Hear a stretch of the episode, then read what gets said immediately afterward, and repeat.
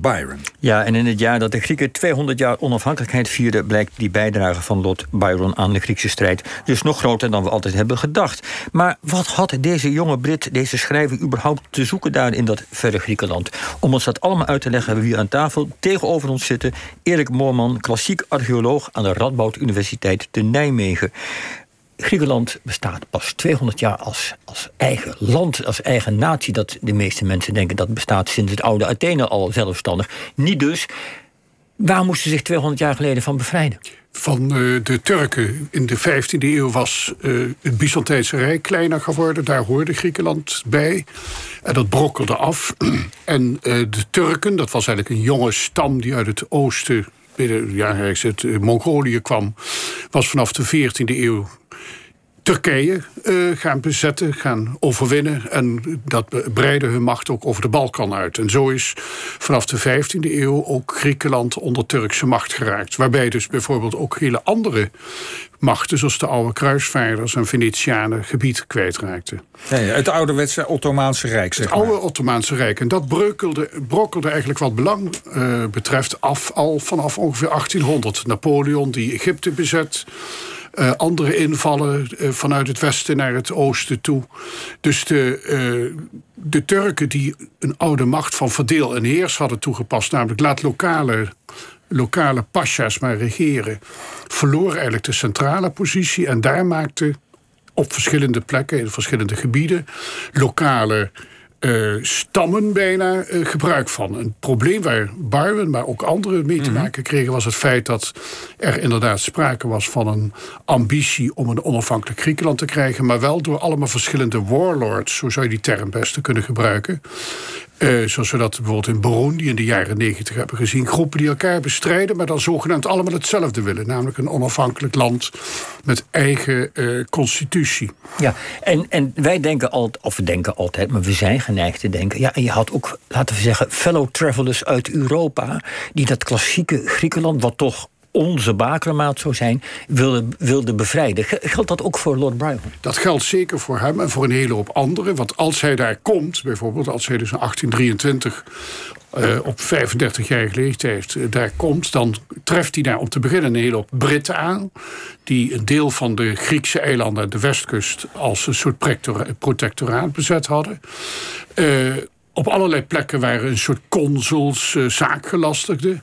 En er waren ook uh, Duitsers, Fransen, Italianen heel veel. Mm. Uh, Spanjaarden zelfs, met wie die te maken kreeg, die allemaal hun hulp wilden bieden. Dat lijkt soms een beetje op de Spaanse burgeroorlog in de jaren dertig. Ja, maar, maar, maar waarom ging hij daarheen in eerste instantie? Nou, nou dus uh, in zijn biografie is het zo, hij was in Griekenland geweest in 1809, 1811, als jonge jongen na zijn studie.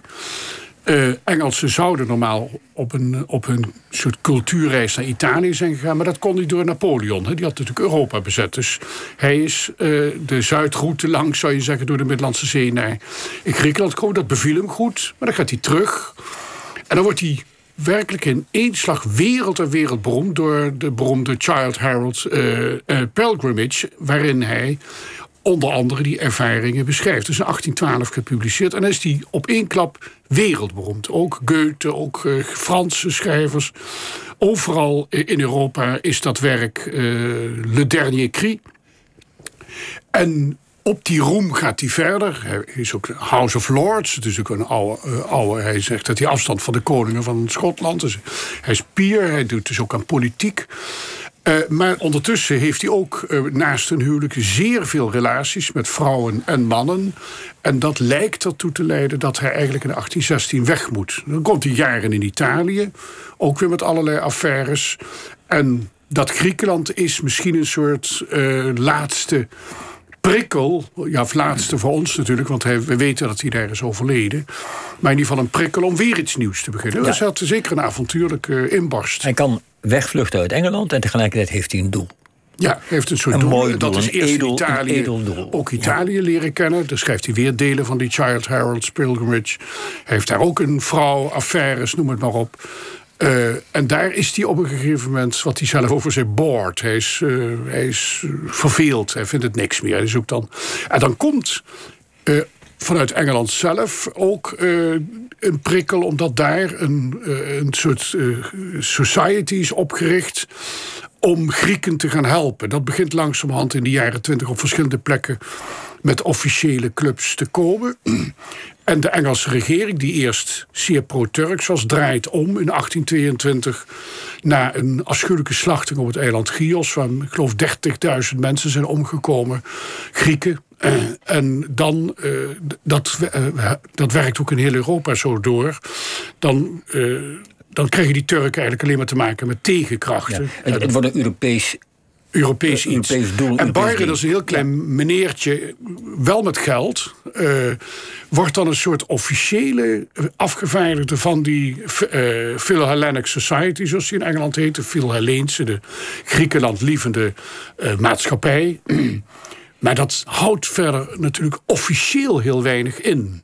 Dat uh, checkboekje hè, wat hij dan ja. trekt, wat, wat is dat dan? Want nou, dat is, dat is eigen geld. Hij trekt en, voortdurend en, geld. En voor wie en hoe werkte dat? Hij had, hij had, zijn eigen, had al zijn bezittingen verkocht en had daardoor, wij zouden zeggen in de huidige tijd, miljoenen. Hmm. Iedereen wist dat. Hij betaalde van alles. Hij financierde uh, locals dat ze konden leven. Hij zorgde voor transporten van wapens dat die gefinancierd konden worden. Of althans, dat probeerde hij. Hij liet een vloot komen, dat liet hij betalen. En zo kwamen er van Maar wat je nu kanten. zegt, het lijkt een beetje ja. of uh, Lord Byron in zijn eentje de hele onafhankelijkheidsstrijd nee, dat is heeft gefinancierd. Waar, dat, zo is het toch niet? Nee, zo is het natuurlijk nee. niet. Maar het is wel duidelijk, uh, hij had centen. Hij vertegenwoordigde in de ogen van die verschillende warlords, laten we het daarop houden, natuurlijk Engeland. Van bij jou kunnen we geld halen. En van verschillende kanten, uh, die, die uit Athene, uit Missolonghi, dat ligt aan de zuidkust van het vasteland van Griekenland. een heel klein rot, rotdorpje overal vandaan kwamen dus verzoeken van kun je ons wat geven. En die, die meneer die hij dan, in dit geval die Orlando, is een van de vele, vele personen die daar dan iets mee willen.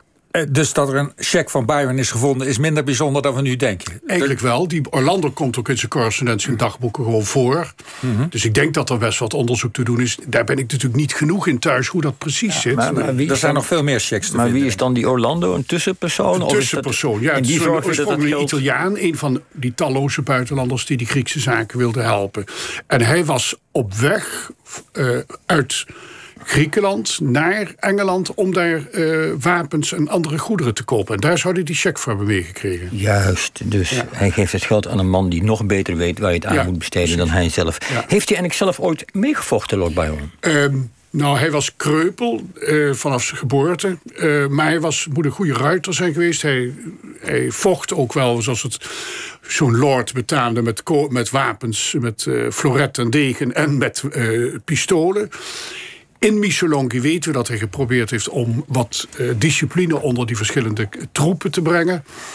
Um, maar omdat hij ziek is geworden, door malaria waarschijnlijk, uh, heeft hij anderhalve maand van de vier maanden daar uh, alleen maar met koorts op bed gelegen. En is daar dus uiteindelijk niet veel van gekomen. Maar hij had wel ambitie om echt als hoofd van de troepen, hij had ook een formele titel als kolonel, te proberen een plaatsje vlakbij Lepanto te veroveren.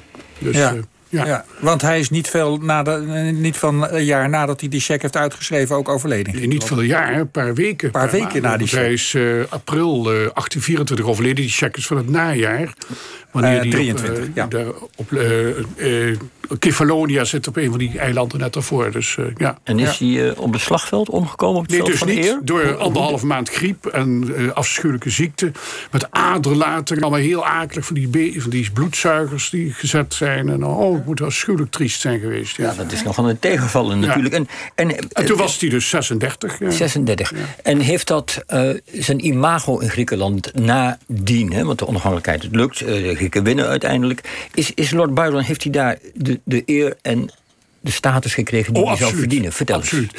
Absoluut. Meteen uh, om Milordo Vironi, want in het Grieks spreek je dat als Virona of Vironi uit. Dus moet je ook altijd denken als je Grieks hoort dat dat Byron betekent. Overal zijn straten.